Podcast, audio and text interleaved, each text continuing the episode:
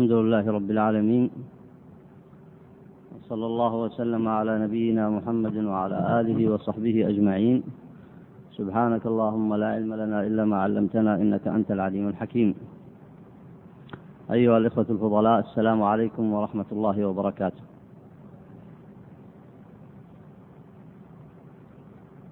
نبتدي هذا الدرس في استكمال ما ذكره الإمام الشاطبي رحمه الله من البحوث حول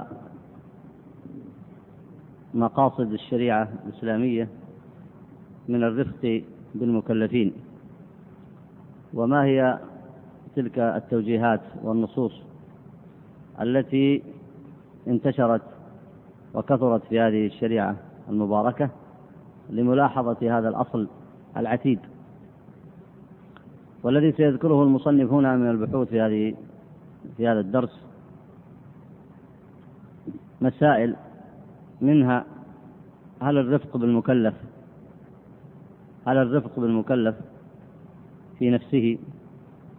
هل هو حق لله أو حق للعبد؟ هل هو حق لله أو حق للعبد أم أم فيه مجموع الأمرين؟ بمعنى هل للعبد أن يتنازل عن هذا ويحمل نفسه ما لا يطيق؟ فعلى الأمر الأول إذا كان حقا له فهو قد يتنازل عنه ويحمل نفسه ما لا يطيق وإذا كان حقا لله وجب المحافظة عليه وإن كان فيه حظا للنفس وهو الرفق بها. ومن البحوث التي سيتحدث عنها المصنف وقد مضى أيضا شيء من كلامه في ذلك هو تعارض الحقوق ونظرة إلى بعض المسائل الأصولية وهي فيما إذا تعارض الواجب والندب. فما الحكم إذا تعارض الواجب والمندوب؟ وكما هو معلوم الحكم فيه أنه يقدم الواجب. لكن هل حكم الندب يبقى على حاله أم لا؟ ثم أيضا هناك استطرادات من المصنف آه، رحمه الله في ذكر آه، بعض الأعمال عن بعض المشهورين حيث كان يكلف نفسه ما لا طاقة له يكلف نفسه أمرا عظيما. فهذه الأمر الذي يكلف نفسه به وهو في الغالب خارج عن المعتاد هل هو بالنسبة له؟ هل هو بالنسبة له؟ مخالفة للنصوص الشرعية؟ أم, لذلك تخريج عند المصنف هنا رحمه الله؟ وسيأتي تخريج المصنف وشرحه لذلك. فيعتبر أن ما كان يصنعه بعض المشهورين من أنه يكلف نفسه أو يدخل نفسه في بعض العبادات التي أن الظاهر أن الإنسان إذا استمر فيها ينقطع عنها. كان يقوم الليل كله مثلا أو يصوم يوم ويفطر يوم أو غير ذلك من كثرة العبادات فالمصنف هنا سيذكر تخريجا لها.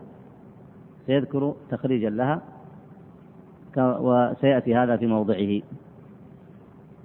هذه بعض المسائل التي آه، سيتحدث عنها المصنف في هذا الموضع.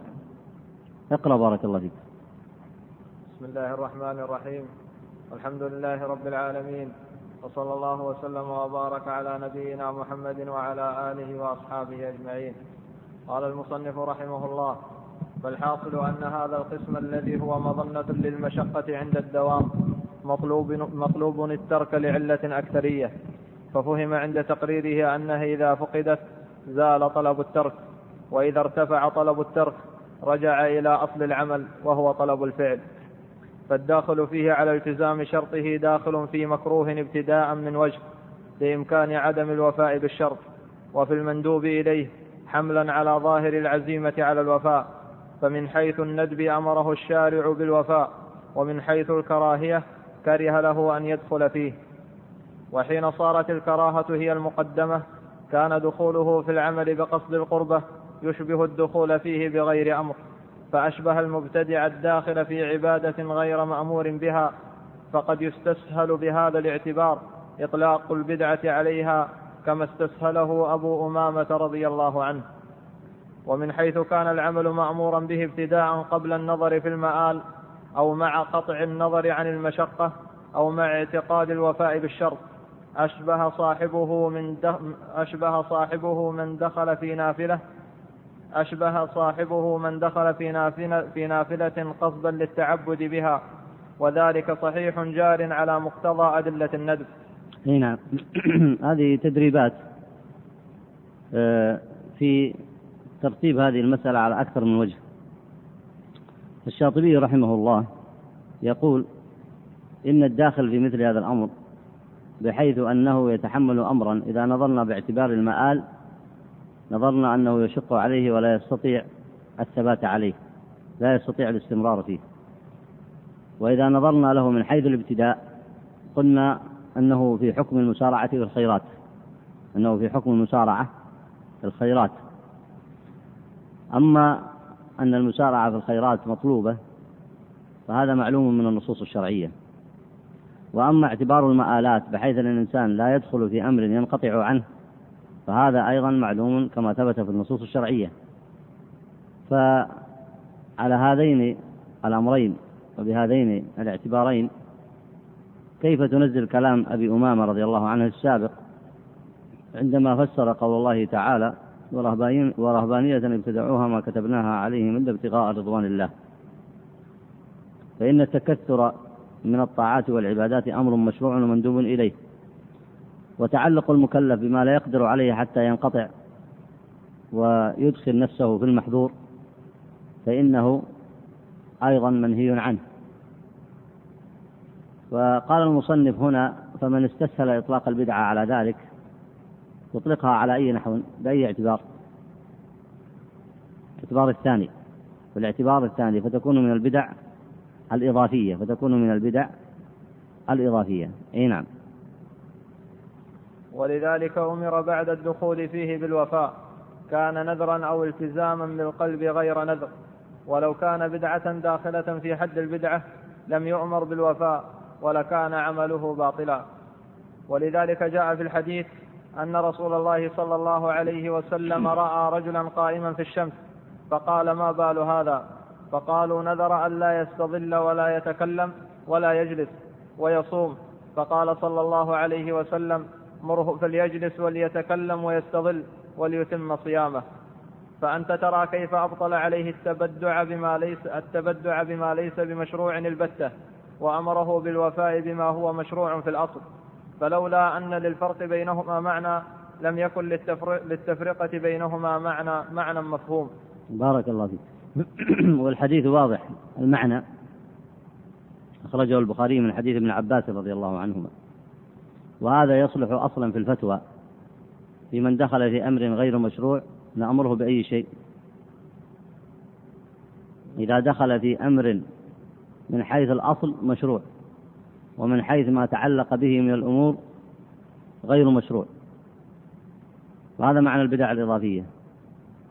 البدعة الإضافية كما ذكر المصنف هنا رحمه الله أنه من حيث النظر إلى أصلها مشروع. مثل هنا الصيام. الصيام أصله مشروع. وما تعلق به من التبدع والزيادة بحيث أنه يصوم جالسا لا يتكلم ولا يستظل هذا منهي عنه. فباعتبار أصل العمل مشروع وباعتبار ما لحق به من التزيد والتبدع يعتبر غير مشروع. ففي الفتوى ماذا تصنع؟ هل تنهى عن ذلك كله أم ماذا تصنع؟ تفضل. نفتيه على طريقة النبي عليه الصلاة والسلام. هنا فنأمره بالبقاء مع المشروع وننهاه أحسنت عن الزيادة التي عملها. وهذا أصل في الفتوى. هذا أصل في الفتوى. ننقله من عمله. نبقي له العمل المشروع ونرده عما أضافه على العمل مما ليس بمشروع وبهذا نكون قد دللناه على السنة ونهيناه عن الزيادة المذمومة. أي نعم.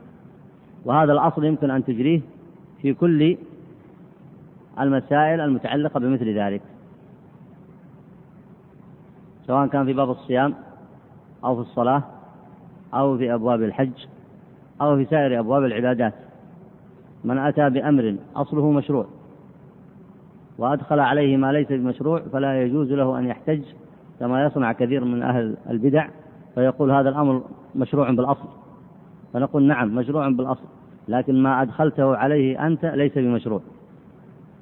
فنرده مثلا في مسائل الذكر في مسائل في الصلاة في الحج في الصيام في سائر العبادات نرده إلى السنة وننهاه عن التزيد والتبدع.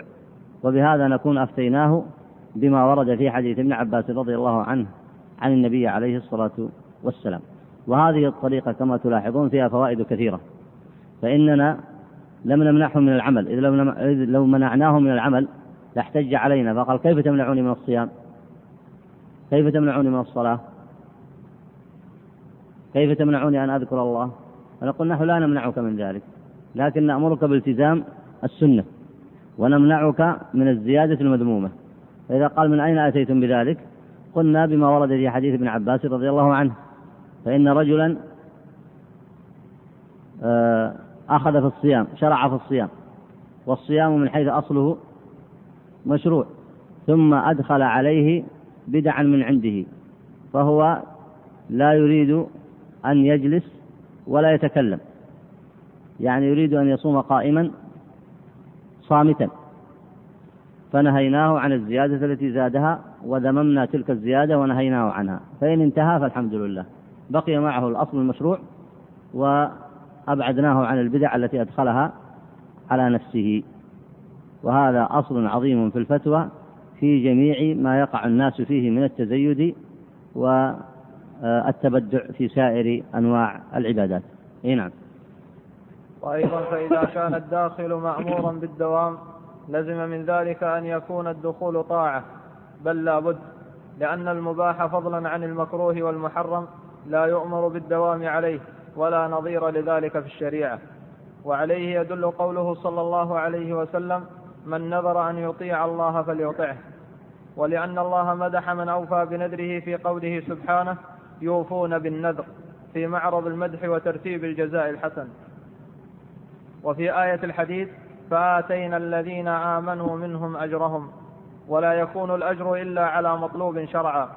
فتأملوا هذا المعنى فهو الذي يجري عليه عمل السلف الصالح رضي الله عنهم بمقتضى الأدلة وبه يرتفع, يرتفع إشكال التعارض الظاهر لبادئ الرأي حتى تنتظم الآيات والأحاديث وسير من تقدم. والحمد لله. غير أنه يبقى بعدها إشكالان قويان وبالنظر في الجواب عنهما ينتظم معنى معنى المسألة معنى المسألة على تمامه. فنعقد نعم. فنعقد في كل إشكال فصلا. بارك الله فيك.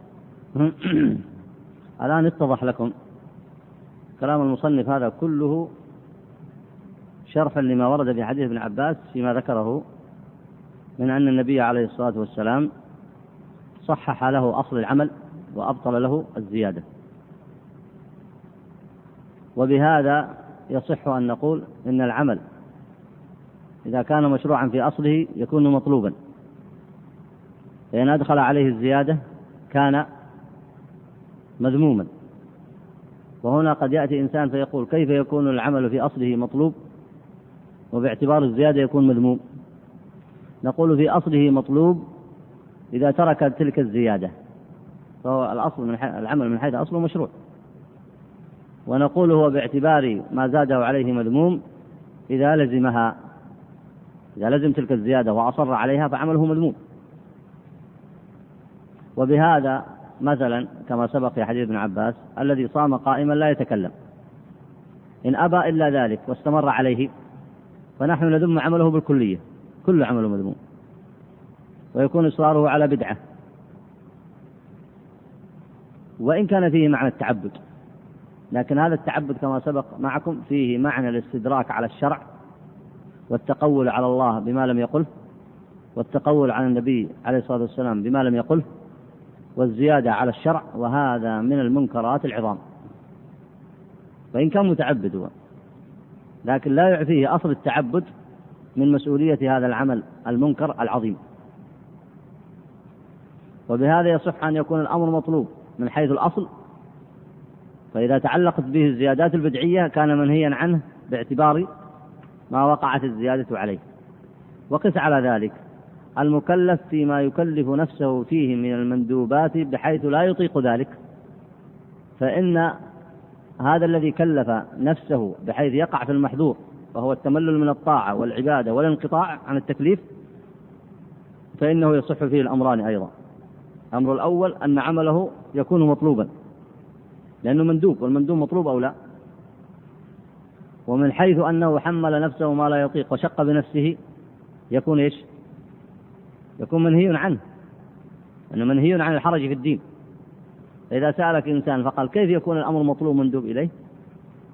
ثم باعتبار آخر تقول هو منهي عنه لأن فيه حرجا في الدين. فتقول الجواب كما سمعت على حديث ابن عباس.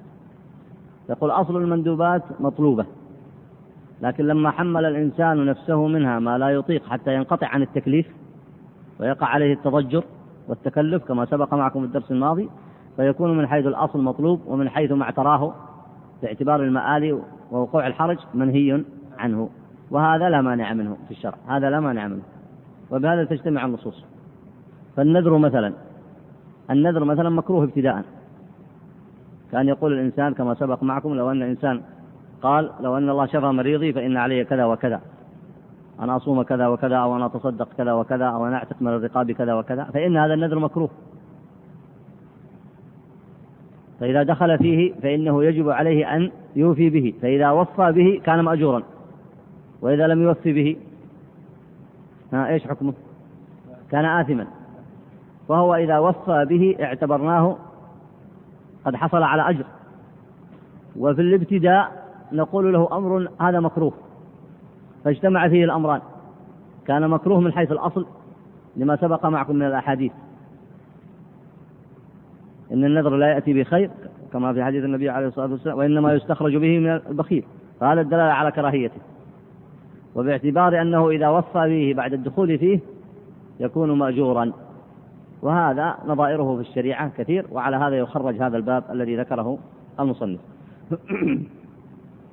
بقي سيذكر الآن وقائع كثيرة موجودة منها ما هو منقول عن النبي عليه الصلاة والسلام ومنها ما هو منقول عن بعض المشهورين وسيورد تفسيرا لذلك. إي نعم اقرأ بارك الله فصل الإشكال الأول إن ما تقدم من الأدلة على كراهية الالتزامات التي يشق دوامها معارض بما دل على خلافه. فقد كان رسول الله صلى الله عليه وسلم يقوم حتى تورمت قدماه. فيقال له أوليس قد غفر الله لك ما تقدم من ذنبك وما تأخر؟ فيقول أفلا أكون عبدا شكورا. ويظل اليوم الطويل في الحر الشديد صائما. وكان عليه السلام يواصل الصيام ويبيت عند ربه يطعمه ويسقيه. ونحو ذلك من اجتهاده في عبادة ربه وفي رسول الله صلى الله عليه وسلم أسوة حسنة ونحن مأمورون بالتأسي. بارك الله فيك. هذا الحديث أخرجه البخاري ومسلم من حديث المغيرة بن شعبة رضي الله عنه. قول النبي عليه الصلاة والسلام لما سئل قال أفلا أكون عبدا شكورا. وهذا تفسيره كما سيأتي عند المصنف وبه سيفسر كل ما سيذكره من الحوادث. تفسيره عند المصنف أن بالنسبة ما يشق على فلان وما لا يشق على فلان الأمر فيه نسبي. ما معنى نسبي؟ بالنسبة إليه بالنسبة إليه. فإن إنسانا مثلا لو حملته نوعا من العمل الشاق قد يضعف عنه لضعف جسده مثلا وآخر قد يتحمله. مثل مثل ما يتحمله الإنسان من الأمور المادية قد يحمل هذا خمسين كيلو وقد يحمل الثاني ستين والثالث لا يحمل إلا عشرين. فالناس يتفاوتون في قدراتهم البدنية ويتفاوتون في طاقاتهم. فهذا معنى قولنا أن هذا راجع إلى معنى نسبي أي نسبة إلى ذلك الشخص من حيث ما يملك من القدرات والطاقات. ولذلك سيأتي جواب على هذا المذكور عن النبي عليه الصلاة والسلام أن هذا من خصوصياته. أن هذا من خصوصياته كما مضى معكم في مسألة الوصال. فهذا من خصوصياته عليه الصلاة والسلام. والدليل على ذلك قوله في الحديث إني ليس إني لست كهيئتكم إني أبيت عند ربي يطعمني ويسقين. يعني أن الله قواه على تلك العبادات بحال لا يحصل لغيره من عامة المكلفين. فإذا قيل لك ما الدليل على ذلك؟ قل قول النبي صلى الله عليه وسلم صراحة إني لست كهيئتكم. فإذا الأمر مثل هذه العبادات الوصال في الصيام الاجتهاد والقيام حتى تتورم قدمه عليه الصلاة والسلام وغير ذلك هذا بالنسبة إلى النبي عليه الصلاة والسلام مقدور عليه. هذا هو جواب المصنف كما سيأتي. لكن يمكن تضيف إليه أجوبة أخرى. أن النبي في ذلك أيضا كان عليه الصلاة والسلام في قيام الليل يقسمه أو لا؟ أو كان يقوم الليل كله؟ كان يقسمه. لماذا؟ لأن هذا هو السنة في قيام الليل. والنبي صلى الله عليه وسلم كان كما هو معلوم قبل أن يأمر الناس يلتزم بما أمره الله. ينهاهم وهو أول المنتهين ويأمرهم وهو أول المؤتمرين ويطبق هذا الوحي على نفسه. فالنبي صلى الله عليه وسلم كان يقسم الليل حتى مع قوته على ذلك. هذا جواب آخر.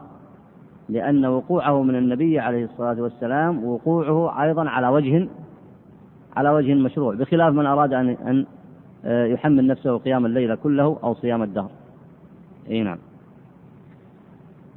فإن أبيتم هذا الدليل بسبب أنه صلى الله عليه وسلم كان مخصوصا بهذه القضية ولذلك كان ولذلك كان ربه يطعمه ويسقيه وكان يطيق من العمل ما ما لا تطيقه أمته فما قولكم فيما ثبت من ذلك عن الصحابة والتابعين وأئمة المسلمين العارفين بتلك الأدلة التي استدللتم بها على الكراهية حتى إن بعضهم قعد من رجليه من كثرة التبتل وصارت جبهة بعضهم كركبة البعير من كثرة السجود. وجاء عن عثمان بن عفان رضي الله عنه أنه كان إذا صلى العشاء أوتر بركعة يقرأ فيها القرآن كله.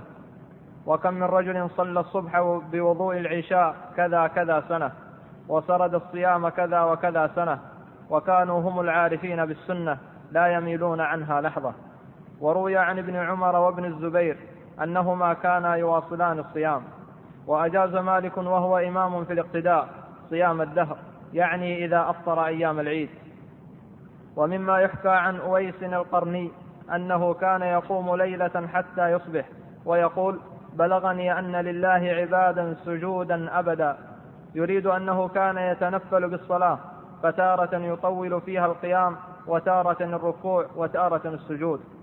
وعن الأسود بن يزيد أنه كان يجهد نفسه في الصوم والعبادة حتى يخضر جسده ويصفر. فكان علقمة يقول له ويحك لم تعذب هذا الجسد؟ فيقول إن الأمر جد إن الأمر جد. وعن أنس وعن أنس بن مالك رضي الله عنه أن امرأة مسروق قالت كان يصلي حتى تورمت قدماه فربما جلست خلفه أبكي مما أراه يصنع بنفسه.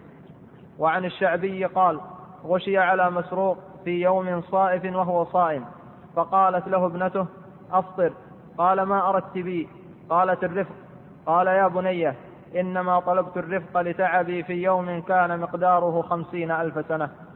وعن الربيع بن خثيم أنه قال أتيت أويسا القرني فوجدته قعد فوجدته قد صلى الصبح وقعد فقلت لا أشغله عن التسبيح. فلما كان وقت الصلاة قام فصلى إلى الظهر. فلما صلى الظهر صلى إلى العصر.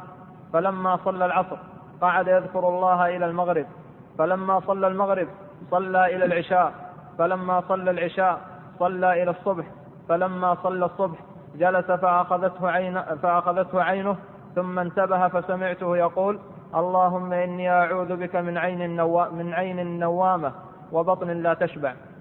والآثار في هذا المعنى كثيرة عن الأولين وهي تدل على الأخذ بما هو شاق في الدوام ولم يعدهم أحد بذلك مخالفين للسنة بل عدوهم من السابقين جعلنا الله منهم. وأيضا فإن النهي ليس عن العبادة المطلوبة بل هو عن الغلو فيها غلوا يدخل المشقة على العامل. فإذا فرضنا من فقدت في حقه تلك العلة فلا ينتهض النهي في حقه. كما إذا قال الشارع لا يقضي القاضي وهو غضبان وكانت علة النهي تشويش الفكر عن استيفاء الحجج. اضطرد النهي مع كل مشوش وانتفى عند انتفائه. حتى إنه منتف مع وجود الغضب اليسير. الذي لا يمنع من استيفاء الحجج وهذا صحيح جار على الأصول. وحال من فقدت في حقه العلة حال من يعمل بحكم بحكم غلبة الخوف أو الرجاء أو المحبة. فإن الخوف صوت سائق والرجاء حاد قائد والمحبة سبيل حامل. فالخائف إن وجد المشقة فالخوف مما هو أشق يحمله على الصبر على ما هو أهون وإن كان العمل شاقا. والراجي يعمل وإن وجد المشقة لأن رجاء الراحة التامة يحمله على الصبر على بعض التعب والمحب يعمل ببذل المجهود شوقا إلى المحبوب فيسهل عليه الصعب ويقرب عليه البعيد فيهو فيو فيو فيوهن القوى ولا يرى أنه أوفى بعهد المحبة ولا قام بشكر النعمة ويعصر الأنفاس ولا يرى أنه قضى نهمته. وإذا كان كذلك صح الجمع بين الأدلة وجاز الدخول في العمل التزاما مع الإغال فيه إما مطلقا وإما مع ظن انتفاء العلة وإن دخلت المشقة فيما بعد. إذا صح من العامل الدوام على العمل ويكون ذلك جاريا على مقتضى الأدلة وعمل السلف الصالح. والجواب قبل ما تنتقلون إلى الجواب آه، نلخص لكم ما ذكره في هذا آه، الإشكال. فالشاطبي رحمه الله يقول إن هناك آثارا كثيرة وردت عن كثير من المشهورين بأنهم كانوا يحملون أنفسهم أعمالا كثيرة. في ظاهر الأمر أنها شاقة وأنها عسيرة وأن المكلف قد لا يستطيع الاستمرار عليها. فهذه الأعمال التي قاموا بها يدل, يدل فعلهم وهم ممن يقتدى بهم على أنها من الأعمال المشروعة وأنه ينبغي للناس أن يسارعوا فيها على هذا النحو المذكور. ولذلك خرج بهذه النتيجة فقال وعلى هذا يجوز الدخول في العمل التزاما مع الإيغال فيه مع الإيغال فيه. ثم قال إما مطلقا وإما مع ظن انتفاء العلة أي مع ظن انتفاء المشقة. هذا معنى قوله مع ظن انتفاء العلة أي مع ظن انتفاء المشقة. وإن دخلت المشقة عليه فيما بعد. وهذا العمل عند من ذكره يعتبره جاريا على طريقة كثير من المشهورين.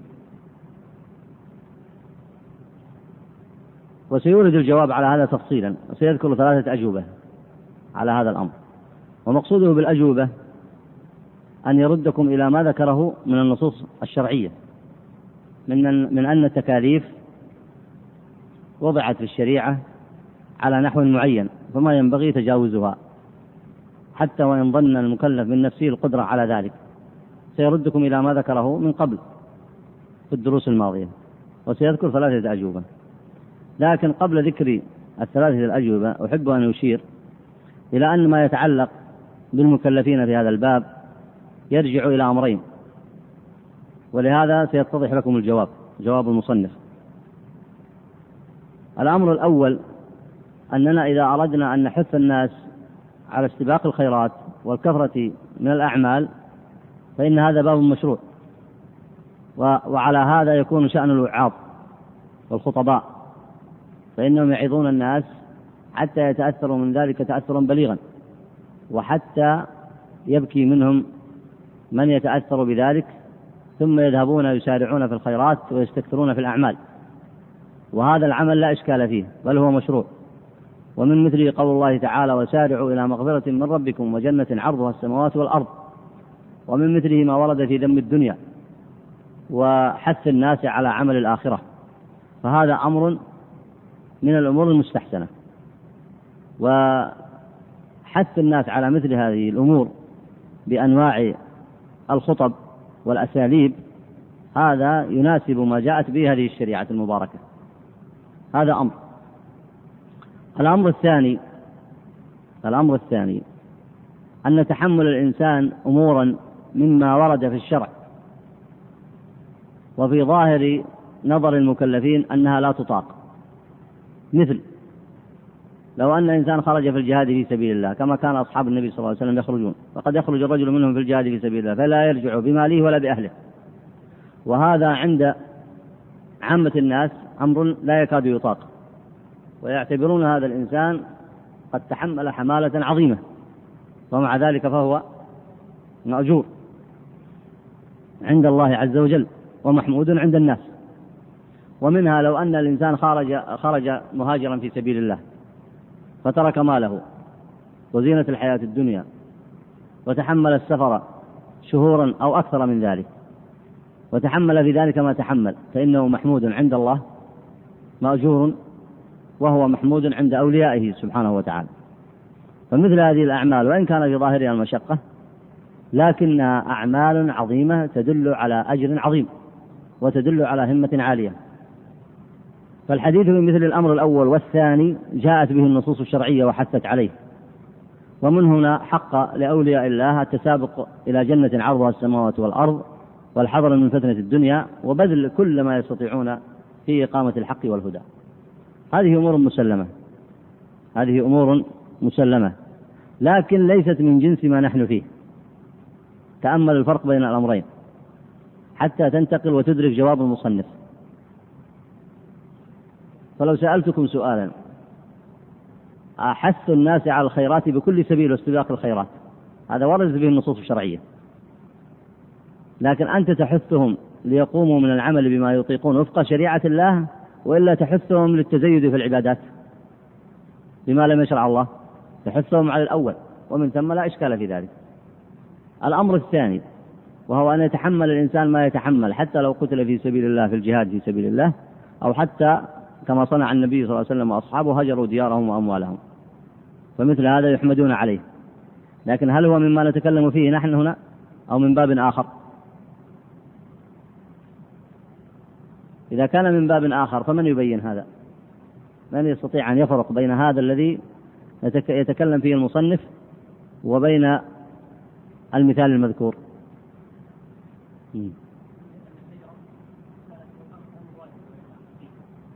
أحسنت. لأن الهجرة واجبة. بذلك الاعتبار. ومطلوبة للشارع. لاحظتم الآن؟ لاحظتم بين الفرقين؟ يعني المكلف قد يقوم بنوعين من العمل. عمل منه مطلوب على سبيل التأكيد والوجوب.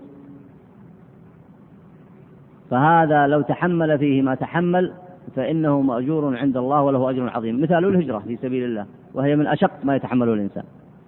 مثال الجهاد حينما يكون واجبا أو حينما يكون أيضا فرض كفاية. ففي كلا الحالين قد يرجع الإنسان بنفسه وماله وقد لا يرجع لا بنفسه ولا في ماله. لاحظتم هنا؟ لكن المكلف يخرج هذه الأعمال مخرج الشارع يعني يعمل بها بمقتضى ما حدده الشرع فتتحقق له المقاصد العظيمة التي قصد الشرع من ورائها من هذه الأعمال تحقيق تلك المقاصد. هذا نوع من الأعمال. نوع آخر من الأعمال فيه مشقة. لاحظ. لكنه أخرجه المكلف غير على طريقة لم يخرجها الشارع. مثاله. يعتكف في مسجد لا يكلم أحدا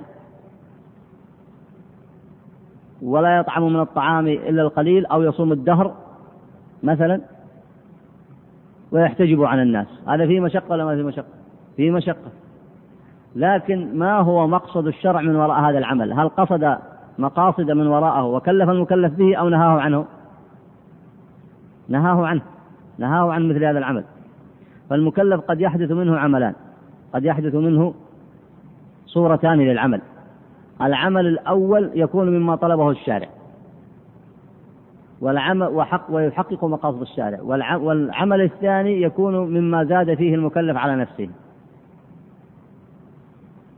والأول فيه يحتاج فيه إلى صبر وعمل وتعب والثاني يحتاج فيه إلى صبر وعمل وتعب. لكن فرق بين العملين كبير. فالذي يتكلم فيه المصنف الآن الأول ولا الثاني؟ يتكلم في أي شيء؟ يتكلم في الثاني. لماذا؟ كيف عرفت أنه يتكلم في الثاني؟ مم. أحسنت لأن هذا فيه زيادات. وأما الأول فليس فيه زيادات الشارع قال تصدق ولو بنصف مالك وتصدقت. هل أنت تزيدت على الشرع؟ الشارع قال قم وجاهد في سبيل الله فجاهدت حتى قتلت في سبيل الله. هل تزيدت على الشرع؟ الشارع أوجب الهجرة في الحالات التي تجب فيها الهجرة. ثم تحملت مؤونة ذلك وتركت أهلك ومالك. هل تزيدت على الشرع؟ فصورة العمل الأول هذا لا يدخل معنا هنا. لاحظ هنا. يعني كل ما كان واجبا أو ما كان مندوبا أخرجته على الصورة الشرعية لا يدخل في هذا البحث إطلاقا. فتأمل ما يدخل في هذا البحث. وإنما الذي يدخل في, هذا البحث مثل ما سمعتم. يصوم فلا يفطر يصلي في الليل ولا ينام. هل هذا ورد بهذه الصورة في الشرع؟ ورد بهذه الصورة؟ لم يرد. فالكلام في جنس هذه الأعمال. تفرق بين هذه الأمرين. ننتقل الآن إلى الجواب. إذا حدث من بعض المشهورين مثل هذا طبعا هنا لاحظ أن المصنف وهذا منهج علمي مهم قبل أن نذكر لكم الجواب لأن الجواب عادة آه، سيذكره صاحب الكتاب أو العالم في أي موضع بحسب ما يراه. وسينوع الجواب بحيث يكون الجواب يغطي يرفع الشبهة من مثل هذه الآثار الكثيرة. لكن السؤال هنا لما لم يخرج هذه الآثار؟ وأيضا آه، محقق الكتاب لما لم يخرج هذه الآثار؟ من يستطيع يذكر الجواب؟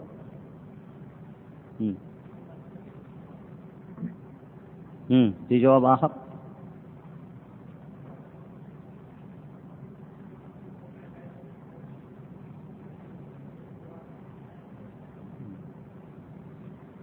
تخريج هذه الآثار أولا في بعض الأحيان قد لا يمكن لتعذره. وفي بعض الأحيان يمكن. مثل ما ذكر عن ابن الزبير مذكور في مصنف ابن أبي شيبة. وهذا يرجع إلى سنده.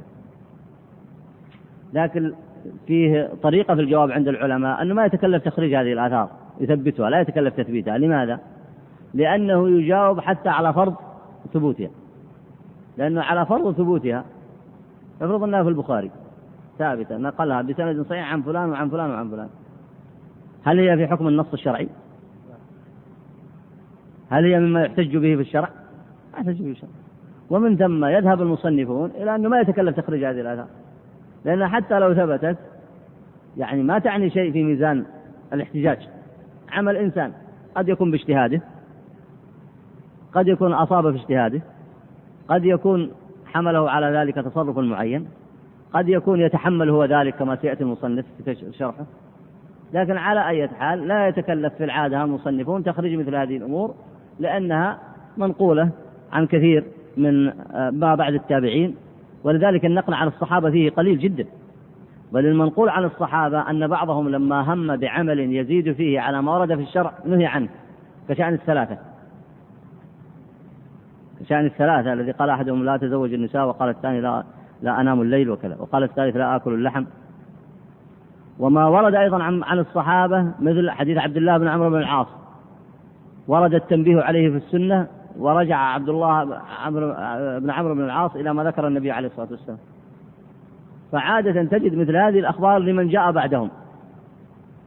لمن جاء بعدهم. فالمصنفون لا يتكلفون تخريج مثل هذه الآثار لأنها حتى لو ثبتت فإنها ليست حجة بذاتها. فالجواب إذا ما فائدته؟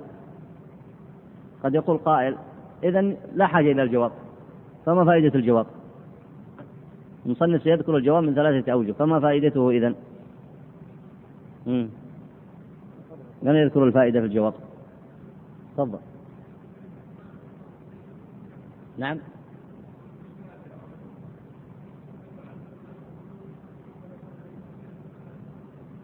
اي نعم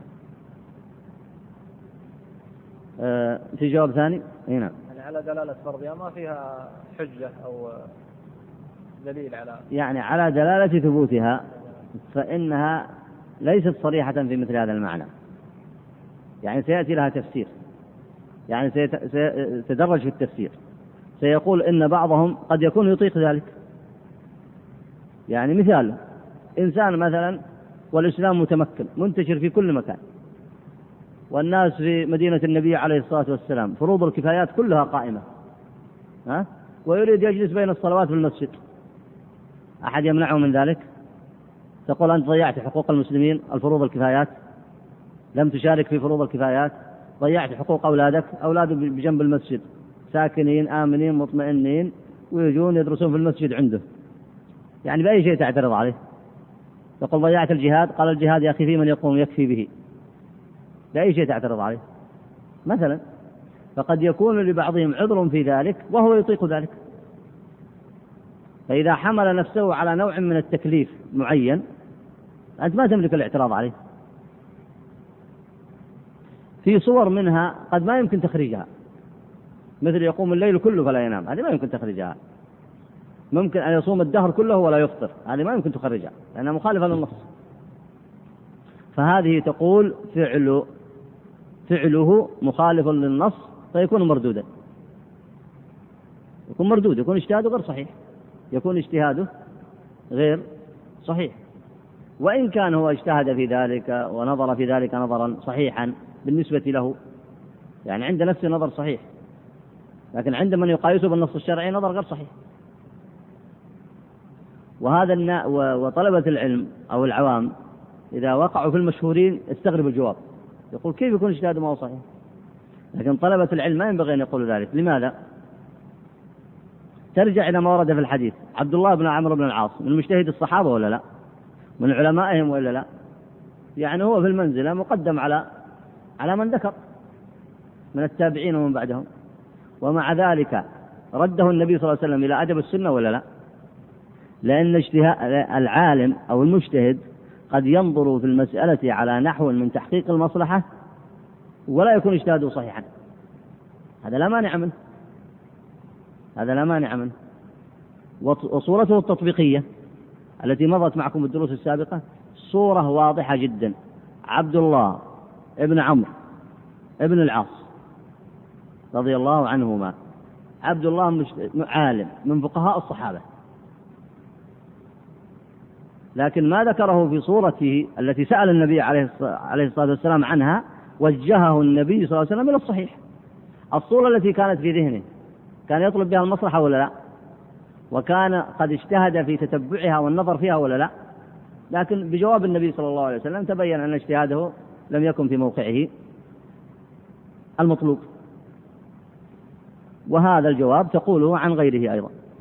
تقوله عن غيره ممن كان في التابعين أو بعدهم أي نعم تفضل اقرأ الجواب بارك الله والجواب أن ما تقدم من أدلة النهي صحيح صريح وما نقل عن الأولين يحتمل ثلاثة أوجه. هذا جواب إجمالي. ولو المصنف مثلا قال إن ما تقدم من أدلة النهي صحيح صريح وما نقل عن الأولين طبعا ما هم الأولين كلهم وما نقل عن هؤلاء. أدق في العبارة أن يقول ما نقل عن الأولين ولا ما نقل عن هؤلاء؟ الأولين الأولين الصحابة والتابعين والسلف. فمثلا أدق أن يقول وما نقل عن هؤلاء ما نقل عن الأولين كلهم. لو اكتفى بهذا قال إن ما تقدم من أدلة النهي صحيح صريح وما نقل عن الأولين محتمل. يكفي الجواب هذا ولا ما يكفي؟ بدون تفصيل يكفي ولا ما يكفي؟ مم. أنا أركز على هذه النقطة وأعيد فيها لأنها تعطيك منهج في المناقشة. تعطيك منهج في إبقاء النصوص في مواضعها الصحيحة والنظر في آه، الفتاوى أو أفعال المكلفين حتى لو من العلماء. لاحظت من هذا يعطيك منهج. فهل هذا الجواب يكفي؟ لو قال إنما تقدم من أدلة النهي صريح صحيح. وش معنى صحيح صريح هنا؟ يعني صحيح ما أحد يستطيع يقول ما هو صحيح لأنه ثابت عن السنة عن النبي صلى الله عليه وسلم. وصريح في أي شيء؟ صريح في النهي أن يكلف المكلف نفسه ما لا يطيق ويخرجها عن معهود الشارع. صريح جدا. وما نقل عن هؤلاء محتمل ولا ما هو محتمل؟ إيش معنى محتمل؟ محتمل أنه يكون معذور فيه. محتمل أنه أخرجه آه، ممكن يخرج له. يعني ما في مصادمة للنص. محتمل أنه غفل عنه وصادم به النص. كل هذا محتمل ولا لا؟ تقدم ماذا؟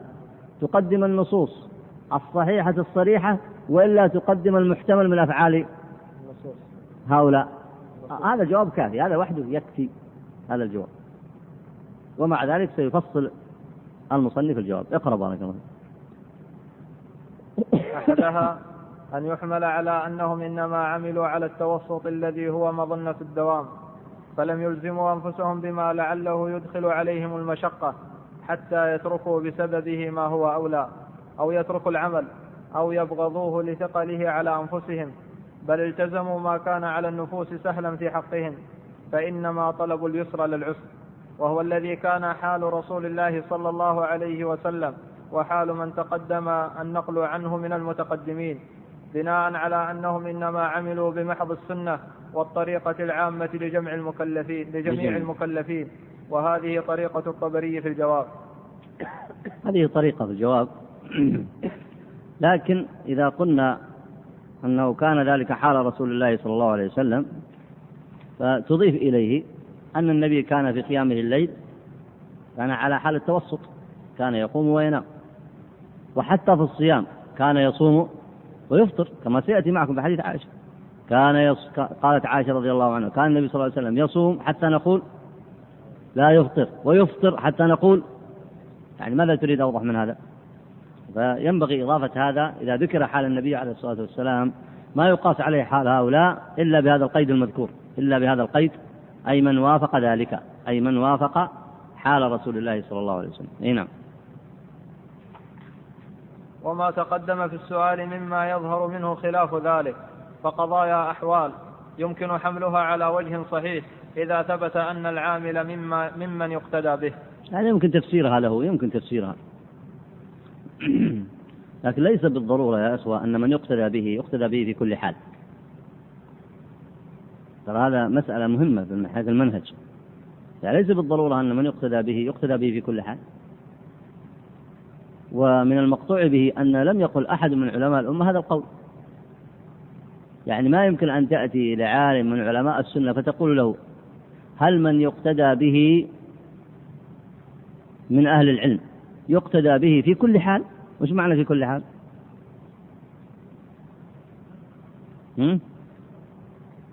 في جميع الأحوال في جميع التصرفات في جميع الأقوال في جميع الاجتهادات. ما أحد يقول. يعني لو أنت لو تتبعت علماء السنة كلهم من أول ما جاءوا إلى الآن من عهد الصحابة رضوان الله عليهم إلى الآن إلى من سيكون على طريقتهم بإذن الله. ما أحد من العلماء يجزم أن أحدا من أهل العلم يقتدى به في كل حال. لأن مقتضى هذا ما هو؟ مقتضى هذا إثبات العصمة له. إثبات العصمة له. ولا قائل بذلك من أهل السنة. لا يقول أحد بإثبات العصمة لأحد سوى النبي عليه الصلاة والسلام. فالذي يقتدى به على كل حال هو النبي عليه الصلاة والسلام. ولماذا العلماء ذكروا ذلك؟ ذكروا ذلك حتى لا يكون خطأ العالم يقتدى يقتدي به المكلفون. فتقول ماذا يصنعون؟ تقول في خطئه يعملون فيه بمقتضى ما ثبت من فعل النبي عليه الصلاة والسلام. كما هي صور هذه المسائل. وما صنعه من اتباع السنة يقتدون به بمعنى يتابعونه في ذلك وإلا القدوة الأصلية ما هي؟ النبي عليه الصلاة والسلام. فلأن العالم هذا اتبع النبي عليه الصلاة والسلام اتبعناه. طيب فإذا وقع منه الغلط في هذه المسألة ترجع إلى ماذا؟ ترجع إلى الأصل. وقوله إذا ثبت أن العامل العالم ممن يقتدى به هذا تعليل يعني يناسب لو أردنا أن نخرج فعله يعني أن, أن نجد له عذرا. لو أردنا أن نجد له عذرا. أي نعم. ماشي. والثانية يحتمل أن يكونوا عملوا على المبالغة فيما استطاعوا لكن على غير جهة الالتزام لا بنذر ولا غيره. هذا أيضا جواب جيد. هذا جواب قوي. يقول قد تجد هذا الإنسان مثلا قد زاد نوعا من العبادة لكن ليس ملتزما بها في جميع الأحوال. ليس ملتزما بها في جميع الأحوال. فإذا لم يقع الالتزام تخرج من هذا البحث ولا ما تخرج؟ تخرج من هذا البحث. وهذا جواب جيد. أي نعم. وقد يدخل الإنسان في أعمال يشق الدوام عليها ولا يشق في الحال فيغتنم نشاطه في حالة خاصة غير ناظر فيها فيما يأتي ويكون فيه ويكون فيه جاريا على أصل رفع الحرج. حتى إذا لم يستطعه حتى إذا لم يستطعه تركه ولا حرج عليه لأن المندوب لا حرج في تركه في الجملة. ويشعر بهذا المعنى ما في هذا الحديث. عن عائشة رضي الله عنها قالت كان رسول الله صلى الله عليه وسلم يصوم حتى نقول لا يفطر ويفطر حتى نقول لا يصوم. وما رأيته استكمل صيام شهر قط إلا رمضان. الحديث. فتأملوا وجه اعتبار النشاط والفراغ من الحقوق المتعلقة أو القوة في الأعمال. وكذلك قوله في صيام يوم وإفطار يوم. ليتني طوقت ذلك. إنما يريد المداومة. لأنه قد كان يوالي الصيام حتى يقول لا يفطر. ولا يعترض ولا يعترض على هذا المأخذ بقوله عليه السلام أحب العمل إلى الله ما داوم ما دام عليه صاحبه وإن قل. وأنه كان عمله دائما لأنه محمول على العمل الذي لا يشق فيه الدوام. وأما ما نقل عنهم من إدامة صلاة الصبح بوضوء العشاء وقيام جميع الليل وصيام الدهر ونحوه فيحتمل أن يكون على الشرط المذكور وهو أن لا يلتزم ذلك وإنما يدخل في العمل حالا يغتنم نشاطه. على أي حال قوله هنا حتى لا يلتزم ذلك يخرج المسألة من موضوعنا. على طريقة العلماء عندما يقول المسألة خارج النزاع.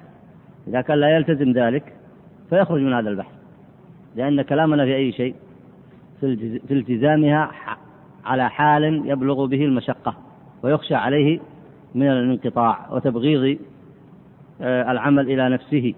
ولذلك الشرع نهى عن ذلك. أي نعم. فإذا أتى زمان آخر وجد فيه النشاط أيضا وإذا لم يخل بما وإذا لم يخل بما هو أولى عمل كذلك. فيتفق أن يداوم له أن أن يدوم له هذا النشاط زمانا طويلا. وفي كل حالة هو في فسحة الترك لكنه ينتهز الفرصة مع الأوقات. فلا بعد في أن يصحبه النشاط إلى آخر العمر فيظنه الظان التزاما وليس بالتزام. وهذا صحيح ولا سيما مع سائق الخوف أو حاد الرجاء أو حامل المحبة وهو معنى قوله عليه السلام وجعلت قرة عيني في الصلاة فلذلك قام عليه السلام حتى تورمت قدماه وامتثل أمر ربه بقوله تعالى قم الليل إلا قليلا إيه لكن مع تورم قدميه عليه الصلاة والسلام كان يطبق السنة في القيام ولا لا؟ كان عمله في ذلك كما أمره الله. كان عمله في ذلك يقوم من أول ينام ثم يقوم ثم ينام ثم يقوم وهكذا يقسم الليل أثلاثا. فهل مثله من كان يقوم الليل كله؟ ولاحظوا هناك أن هناك مبالغات. هناك مبالغات. سببها نحن ما نريد نعود إلى تخريج الآثار لكن من باب الإشارة هناك مبالغات في أن إنسان أربعين عام لا ينام. يصلي العشاء يصلي الصبح وضوء العشاء. هذا فيه مبالغة غير ممكن. الناس يعرفون قدرات المكلفين غير ممكن. ومع ذلك يصوم الدهر أيضا. هذا غير ممكن. ويقوم ببقية التكاليف التي عليه الأخرى. هذا غير متصور غير ممكن. لكن عادة يحدث بأسباب يحدث بأسباب. إما بأن يكون بعض آه، المتفقهة يريد أن يرفع شأنا لأحد متبوعيه فيأتي بمثل هذه الغرائب. مثلا يقول أربعين ليلة لا ينام الليل هذا صار الليل لباس والنهار معاش ولا العكس؟ الأمر الثاني قد يكون من بعض الذين يضعون الحديث يقول نضع الحديث لمصلحة النبي عليه الصلاة والسلام. فإذا تعبوا من وضع الحديث صاروا يضعون القصص. كيف يضعون القصص؟ يقولون فلان يصنع كذا وفلان يصنع كذا وفلان يصنع كذا من عند أنفسهم وليس بصحيح. ينسبونه إلى الأئمة وليس وليس بصحيح. نعم. والثالث أن دخول المشقة وعدمه على المكلف في الدوام أو غيره ليس أمرا منضبطا بل هو إضافي مختلف بحسب اختلاف الناس في قوة أجسامهم. أو في قوة عزائمهم أو في قوة يقينهم أو نحو ذلك من أوصاف أجسامهم وأنفاسهم فقد يختلف العمل الواحد بالنسبة إلى رجلين لأن أحدهما أقوى جسما أو أقوى عزيمة أو يقينا بالموعد والمشقة قد تضعف قد تضعف بالنسبة إلى قوة هذه الأمور وأشباهها وتقوى مع ضعفها.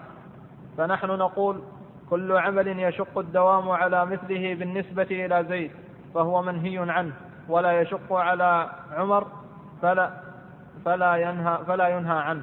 هذه على أية حال كما تلاحظون آه، قول المصنف هنا لكن هل يصلح هذا قاعدة؟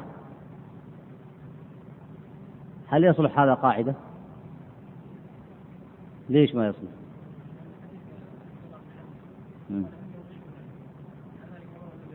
أحسنت أنت أجبت الآن بالنص الصريح. فقول المصنف هنا من باب التخريج لهم يعني هو الآن آه قد يحاول تفسير بعض ما ذكر. لكن ينبغي أن يكون التفسير إجمالي. ما يصير فيه مثلا آه وضع مثل هذه القواعد. فإذا قلنا كل عمل يشق الدوام على مثله بالنسبة لفلان فهو منهي عنه ولا يشق على عمر فلا ينهى عنه. هذه قاعدة تصطدم بالنص الشرعي.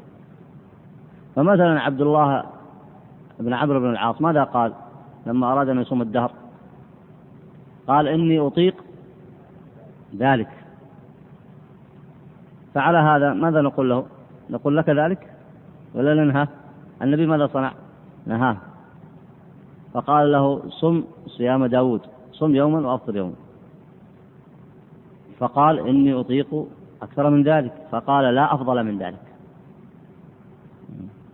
أي نعم.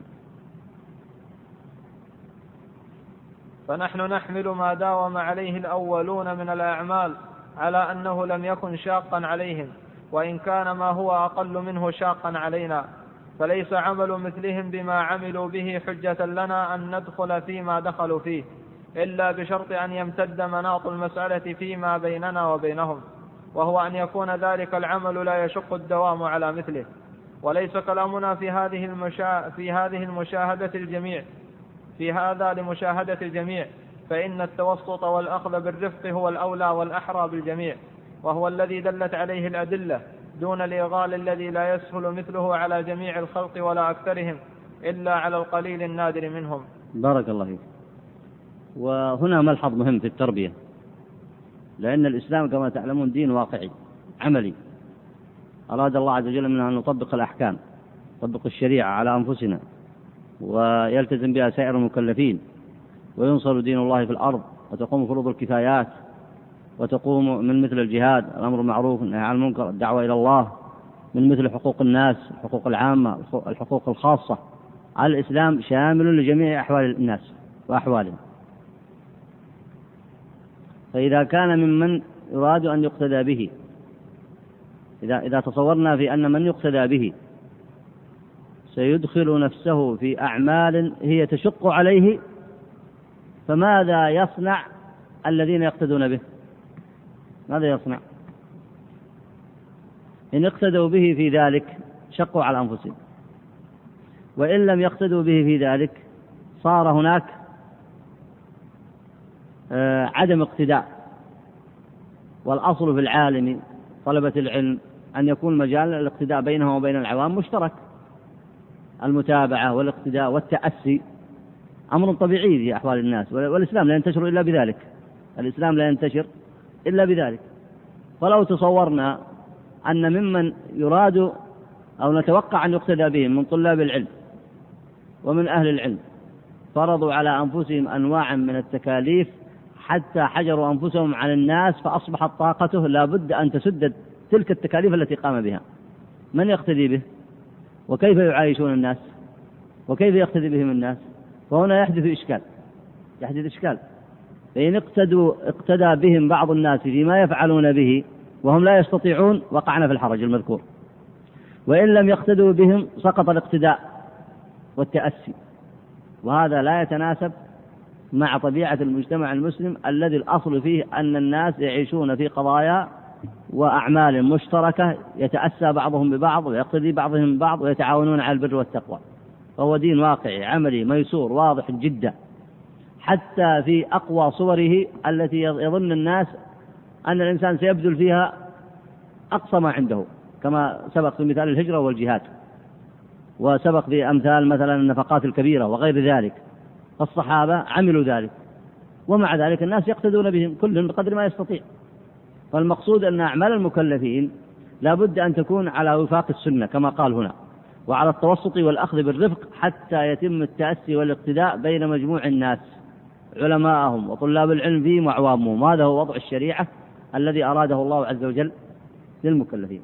وعد مرة أخرى إلى الصورة الصحيحة وهي تطبيق النبي صلى الله عليه وسلم وأصحابه رضوان الله عليه. فالصحابة تجدهم أخذوا بالتكاليف كما أمر الله على حال من التوسط والأخذ بالرفق. والتوسط والأخذ بالرفق كما أشرنا ليس معناه ترك التكاليف وليس معناه ترك مهام الأمور وليس معناه ترك آه، ما كلفهم الله عز وجل مما أمرهم به.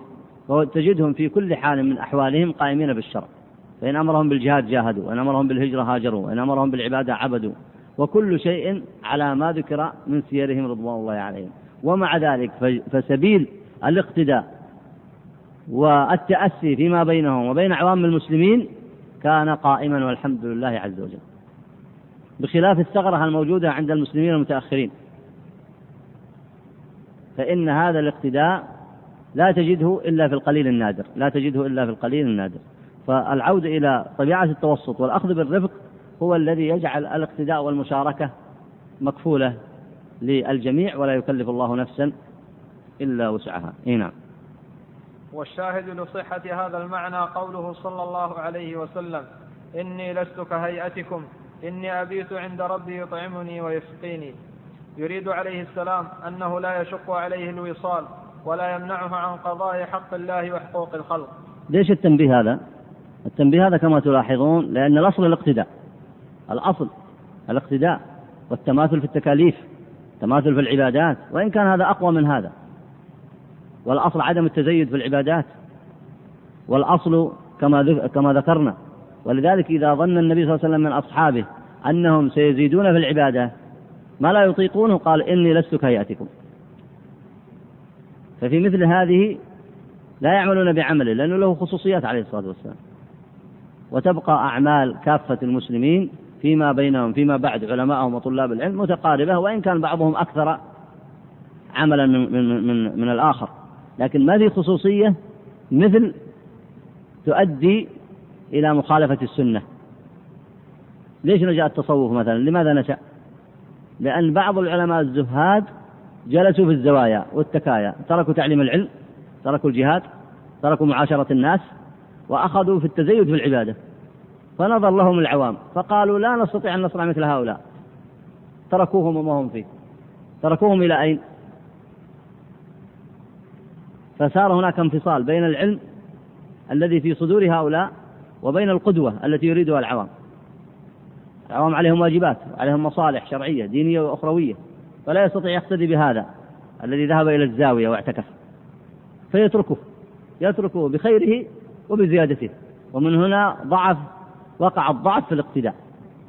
أيضا قد يأتي الإنسان مثلا فيكتفي بجانب معين من الجوانب في الإسلام. ومن حق العوام مثلا أن يقولوا نقتدي به في هذا الجانب ولا نقتدي به في غيره لأنه لا يعمل بغيره مثلا أو لا يهتم بغيره أو لا يعنى بغيره وهكذا. لكن الأصل في الشريعة هو التعاون على البر والتقوى وأن أمور الشرع الناس فيها متساوون. لا يجوز لهذا يزيد ولا يجوز لهذا يزيد ولا يجوز لهذا يزيد كما أنه لا يجوز لفلان أن ينقص. بقي التفاوت الذي بينهم نعم بحسب الحال البذل, البذل لكن بشرط ألا يخرج عن حدود الشرع كما عرفتم من النصوص الأخرى. ومقصد الاقتداء مهم. مقصد الاقتداء في التربية مهم. وهذا يشعر الناس أنهم في شريعة واحدة وفي أعمال يطيقونها ويتعاونون بينها وأن الأمور مشتركة بين الجميع ولا شك أن هذا من أقوى أسباب نجاح التربية وكذلك رب النبي عليه الصلاة والسلام أصحابه رضوان الله عليهم. إيه نعم تفضل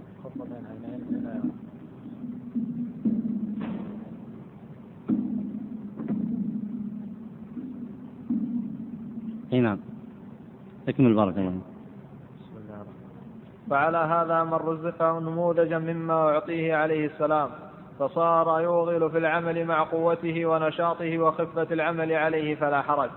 وأما رده عليه السلام على عبد الله بن عمرو فيمكن أن يكون شهد بأنه لا يطيق الدوام ولذلك وقع له ما كان متوقعا حتى قال ليتني قبلت رخصة رسول الله صلى الله عليه وسلم. بارك الله فيكم. وحتى ما ذكر إن صح عن بعض من ذكر الظاهر والله أعلم أنه سيقول كما قال عبد الله بن عمرو بن العاص. لأن هذه الشريعة لا تأتي إلا بخير ولا تنبه إلا ما هو خير. فمن لزم السنة فقد وفق لكل خير. أي نعم. ويكون عمل ابن الزبير وابن عمر وغيرهما في الوصال جاريا على أنهم أعطوا مما أعطيه رسول الله صلى الله عليه وسلم. رسول الله صلى الله عليه وسلم. وهذا بناء على أصل مذكور في كتاب الموافقات والحمد لله. وإذا كان كذلك لم يكن في العمل المنقول عن السلف مخالفة لما سبق. هذه التفسيرات تصلح للتفسير. لكن لا تصلح للتبرير. ما الفرق بين التفسير والتبرير؟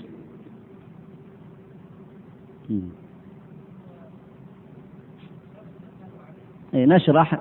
يعني ماذا قصد هذا من هذا الفعل وما قصد فلان الفاضل من هذا الفعل؟ تفسير. لكن يبرر تبرير. يعني تبرير نقول هذا الأمر يصلح له ولغيره. نقول هذا الأمر مما ينبغي أن يسارع له الناس. طيب إذا جاء إنسان اجتهد فسارع فيه فانقطع. ماذا نصنع به؟ يقول له يا أخي أنت غلطان على نفسك. ثم إذا قال أنا أريد أن أصنع مثل هذا كيف نمنعه؟ فسنضطر أن نقول كما قال بعض أهل العلم أن عمل فلان وفلان خلاف الأولى. هذا هو الجواب العلمي الصحيح أن عمله خلاف الأولى. هذا إذا ثبت عنه هذا إذا ثبت عنه وهذا جواب مختصر ومفيد. عمله خلاف الأولى.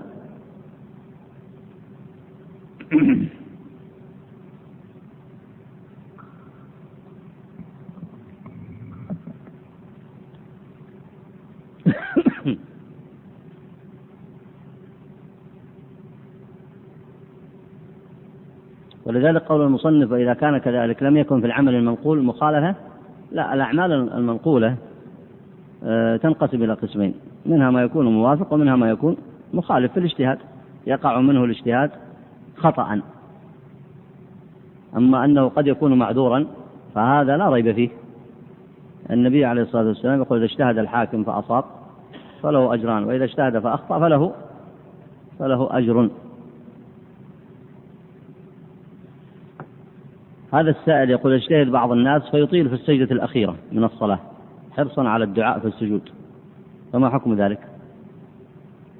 الصواب أنه يفرق دعاءه. ومن مواضع الدعاء أيضا كما ورد بعد التشهد بعد التشهد الثاني. أما إذا طال في الركعة الأخيرة حتى يصبح تشبه الركعة الأولى فهذا آه، يؤدي إلى أن تكون الركعة الأخيرة مثل الثانية أو مثل الأولى. والنبي لما كان يصلي ماذا كان يصنع؟ يجعل الأولى أطول الركعات. فإذا أطال في الأخيرة حتى تشبه الأولى ها؟ كان يطيل في الركعتين الأولين ويقصر في الأخريين وكان يطيل في الأولى ويقصر في الثانية عن الأولى. فإذا حمله الدعاء حتى يطيل في السجود فيطيله عما قبله فهذا لا يجعله يطبق هذه السنة. فالأصل أن يفرق السجود وأحسن من ذلك أن يجعله في بعد التشهد بعد التشهد الثاني. وإذا فرقه في السجود فهذا لا بأس به لكن بشرط أن يكون بعد أن يعمل بالواجب من التسبيح بعد أن يسبح يدعو. أي نعم.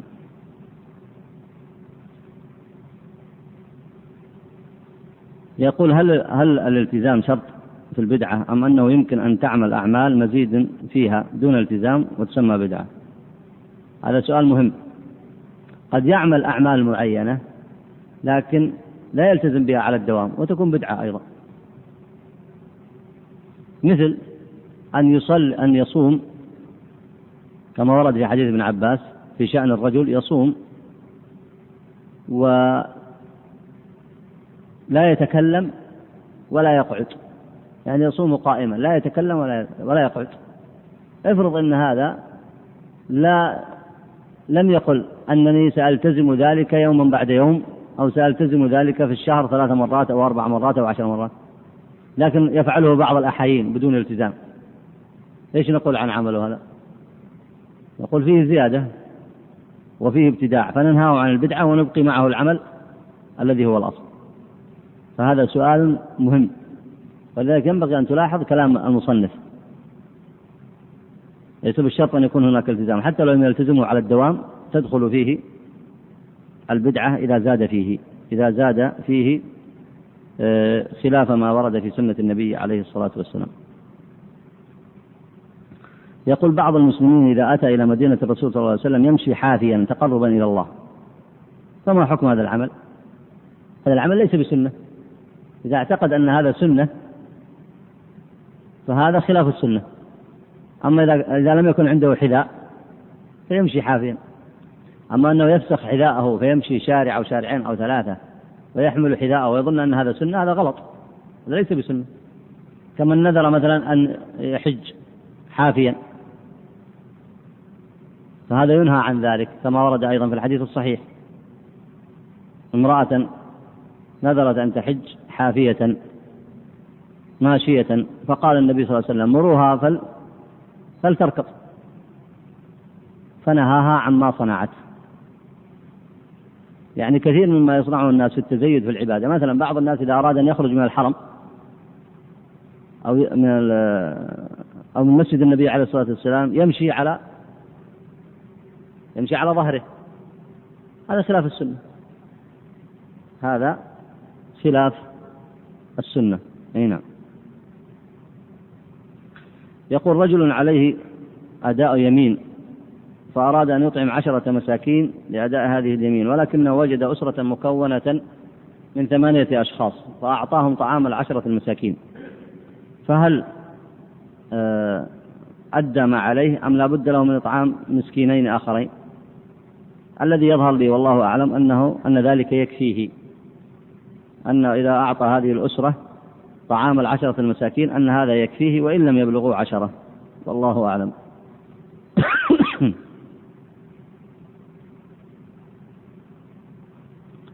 يقول هناك رجل محافظ على السنن ومنها السواك فهو يستاك عند سنة الظهر قبل الركعتين الأولى والركعتين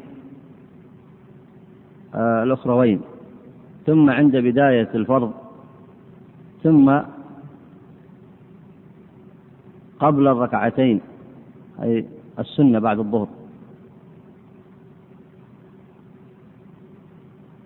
فيسأل هل هذا وارد؟ هل هل السواك وارد بهذه الصفة؟ لا بأس بذلك. نعم ورد الحث على السواك كما هو معلوم وهو من السنن المؤكدة بل كاد يبلغ به النبي عليه الصلاة والسلام أن يجعله واجبا فقال عليه الصلاة والسلام لولا أن أشق على أمتي لأمرتهم بالسواك عند كل صلاة. فإذا استاك عند كل ركعتين وعند كل صلاة فلا بأس بذلك. بل هو السنة يعني لا حرج عليه.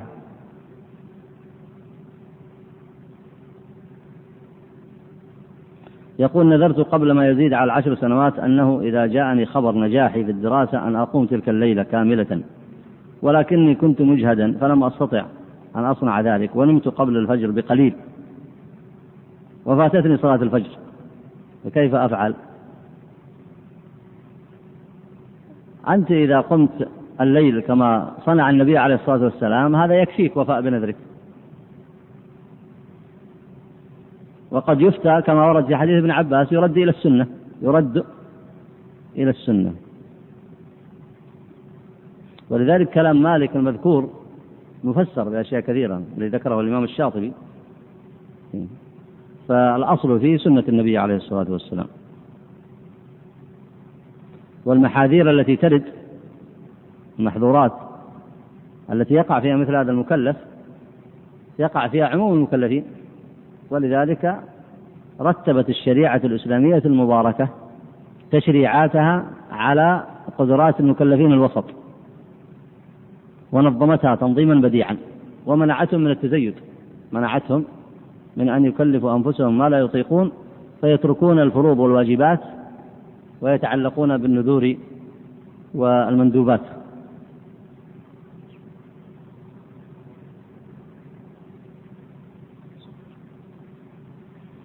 يقول رجل أوقف أرضا على الطريق العام للصلاة فيها. وكان المسافرون إذا مروا على هذا المكان وكان وقت الصلاة صلوا فيها. ولكن هناك رجل آخر أتى إلى هذا الرجل الذي أوقف هذه الأرض وطلب منه هذه الأرض بحيث يعمل عليها مسجد ودفع مبلغا زهيدا.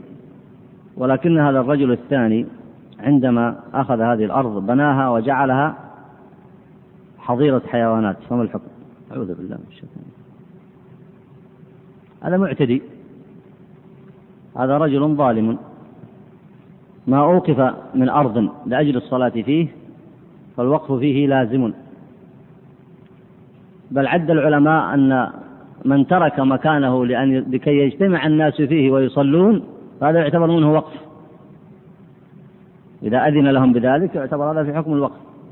فهذا ظالم متعدي هذا يحاكم إلى القضاء حتى ترجع الأمور إلى نصابها. يقول أشكل علي الفرق بين البدع وبين المحدثات. فهل لا وضحتم لنا ذلك؟ البدع هي المحدثات والمحدثات هي البدع. إذا استثنيت المحدثات المادية المحدثات المادية التي يحدثها الناس في أمور الصناعات والزراعات وما يخترعونه من الأمور المادية هذا يسمى محدث. لكن البدعة تتعلق بالأمور الدينية ولا بالأمور الدنيوية؟ تعريفها البدعة لها تعريفات كثيرة كما سبق. منها ما أحدث في الدين. أما ما أحدث في الصنائع اختراع الطائرات وغيرها هذا لا يسمى من البدع. لكن عند العلماء إذا قالوا البدع والمحدثات فيقصدون بها البدع في الدين والمحدثات في الدين وهي بمعنى واحد.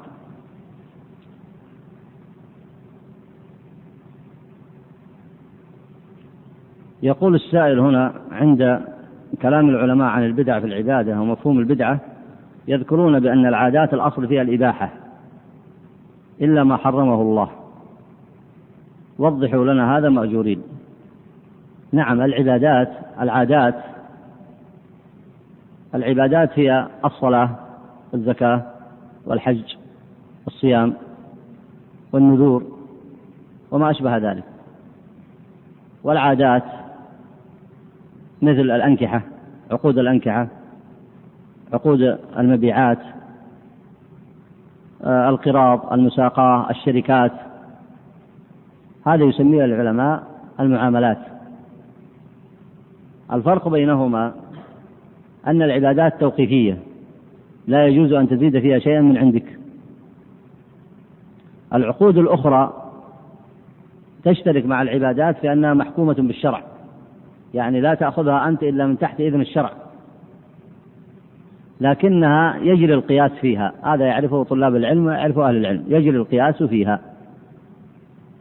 فالأصل فيها تقول المنافع الأصل فيها الإباحة. تقول المنافع لا تقول الأشياء. لأن الأشياء منها ما هو ضار ومنها ما هو نافع. فالأصل في الضار التحريم. فإذا, فإذا أردت أن تعبر بالأصل فتقول الأصل في المنافع الإباحة. أي نعم هذا الفرق بين الأمرين. لكن إذا أخذ الإنسان الأمر التعبدي كالصلاة وغيرها من تحت إذن الشرع وقصد به وجه الله عز وجل والتزم فيه بالسنة في صلاته فإنه مأجور على ذلك.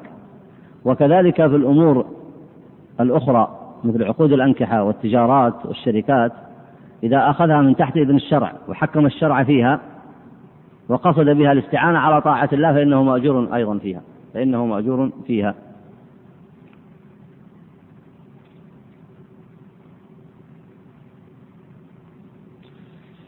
يقول هنا ما حكم الأخذ من اللحية وتهذيبها؟ طبعا كما تعلمون أن العلماء مجمعون على أن حلق اللحية حرام. أجمعوا على ذلك. مع أن كثير من الناس تجده يحافظ على الصلاة وإنسان فاضل لكن يظن فعلا أن المسألة فيها خلاف. من أين وقع له ذلك؟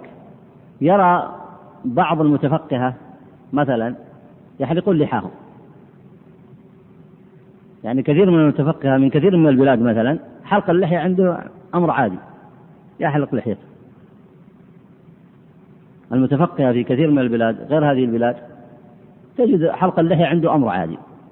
فيراه بعض الناس تجد رجل خير ويحافظ على الصلاة يرى هؤلاء فيظن أن فعل هؤلاء صحيح. ويقول لو كان فعلا حلق اللحية حرام هذا الإنسان الذي يحمل الكتب ويدرس الفقه يحلق لحيته؟ فيظن أن حلق اللحية ليس بحرام. وفعلا جاءني إنسان رجل فاضل قال يا أخي هذا الإنسان اللي تخرج صورته بالجريدة هذا عالم وخطيب من بعض البلاد. ومشهور يحلق لحيته صحيح أن حلق اللحية حرام؟ يعني لو كان حرام هذا يصنع يحلق لحيته يعني. فدخلت الشبهة على الناس من هذا الموضوع. وهنا نعود إلى مشكلة بعض المشهورين. لكن المنهج الصحيح أن الإنسان يأخذ حكم السنن والعبادات من يأخذها من حديث النبي عليه الصلاة والسلام. النبي عليه الصلاة والسلام قال وفروا اللحى خالفوا المجوس. قال عليه الصلاة والسلام وفروا اللحى خالفوا المجوس. فعندك أمرين. أمر بتوفير اللحى الأمر الثاني تخالف المجوس. المجوس يحلقون لحاهم وأنت عندك أمرين. مترادفين. الأمر الأول وفروا اللحى والأمر الثاني خالف المجوس. فلماذا تترك الأمر الصريح؟ المعنى الصريح. الأمر الصريح في الحديث الصحيح.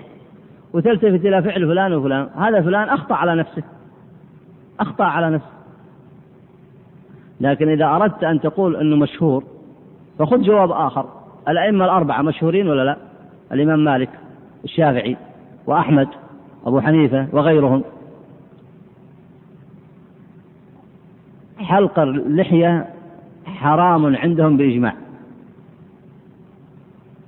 فسند فبعض المتفقهة لا سند لهم لا عندهم سند. بل منصوص في كتب المذاهب على التحريم. كتب المذاهب الأربعة منصوص عليها على التحريم. وهذا يدل أنهم فهموا حديث النبي عليه الصلاة والسلام فهما صحيحا والحديث صريح.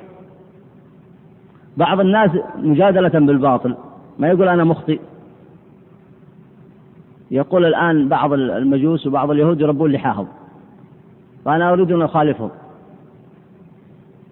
النبي لما قال خالف اليهود قال خالفهم في الشرك خالف المجوس في الشرك تخالف الكفار الآن في الأمم الأخرى تخالفهم في الشرك تخالفهم في أكل الربا تخالفهم في الظلم والفساد تخالفهم في الانحلال آه الانحلال الأخلاق تخالفهم في في ترك عبادة الله تقوم بعبادة الله.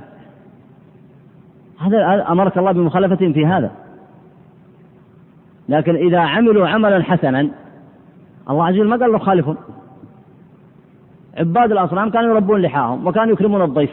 تروح تخالفهم تقول لا أنا بصير بخيل ولا بكرم الضيف وأحلق لحيتي. وكانوا يوفون بالعهد. يقول لا أنا لن أوفي بالعهد. فهذا كلام ساقط. ولذلك ينبغي للإنسان أن يقتدي بالنبي عليه الصلاة والسلام. هذه قدوته ولا يقول فلان وعلان والذي حرره العلماء المشهورين في كتب المذاهب الأربعة وغيرهم وأنا أؤكد على قول المذاهب الأربعة لكي أرفع ولا يكفي ثبوت الدليل الشرعي. لكن لكي ترفع الشبهة اللي موجود عند كثير من الناس أنه يظن أن المتفقهة الآن اللي يشتغلون بالفقه ولا يعملون بالسنن يظن أنهم على صواب ليسوا على صواب. هم قطعا مخالفين للإجماع المذكور في كتب أهل العلم. وهذه الحقيقة منقصة. يحلقون لحاهم ويطيلون سبالاتهم يطلون أشنابهم يخالفون السنة مرتين. ولذلك جاء رجل إلى النبي عليه الصلاة والسلام من أهل فارس فوجد شنبه يكاد يقرب إلى أذنيه ويحلق لحيته فقال من أمرك بهذا؟ قال أمرني ربي. من هو ربه؟ قيصر. كسرى أمره بذلك. فقال النبي صلى الله عليه وسلم ولكن الله أمرني ثم علمه. فالحديث صريح في هذا. وفروا اللحى وحفوا الشوارب. هذا سنة النبي عليه الصلاة والسلام. ولذلك وضع العلماء لحلق اللحية أحكام كثيرة. لو أن إنسان اعتدى على لحية إنسان ما الحكم؟ وضعوا لها دية. وإذا ذهبت بالكلية ما حكمها؟ هذا مو كله موجود في كتب المذاهب. إذا ذهبت بالكلية ما حكمها؟ لو إنسان اعتدى على لحيتك. الآن تروح عند القضاء. لها أحكام تفصيلية كثيرة إذا إذا اعتدى عليها اعتداء يزيلها بالكلية حتى لا تخرج من العلماء من جعل فيها نصف الدية أو يزيد. الشعور الأربعة فيها الدية كاملة وفيها تفصيل في مسألة كذا. فهذه أحكام موجودة في الشريعة. لكن بعض الفضلاء الناس المحافظين على الصلاة يظن فعلا عند نفسه أن حلق اللحية لا شيء فيه. ولهذا أطلت في هذه المسألة يعني إكراما لهم وبيان لحكم السنة أنهم لا كما يتصورون فيها أحاديث صريحة عن النبي عليه الصلاة والسلام. وفروا اللحى وحفوا الشوارب وفروا اللحى خالفوا المجوس. ولذلك الفقهاء فصلوا أحكاما تفصيلية كثيرة في حكم اللحية وأن من اعتدى عليها معتد تقاضيه في القضاء الشرعي ولها وزن كبير من حيث المقادير الشرعية. وهذا يدل على اتفاقهم على احترامها وعلى إكرامها. وكذلك بعض الناس تجد يربي لحيته لكن لا يدع منها شيئا. يعني يهذبها. حتى إذا نظرت إليها لم ترى كأنه ليس مربي لحيته. هذا ليس بصحيح. اللحية ما ظهر وكما ورد في حديث النبي عليه الصلاة والسلام وتوفيرها معناه إكرامها وتوقيرها والمحافظة عليها. أكتفي بهذا وصلى الله وسلم على نبينا محمد وعلى آله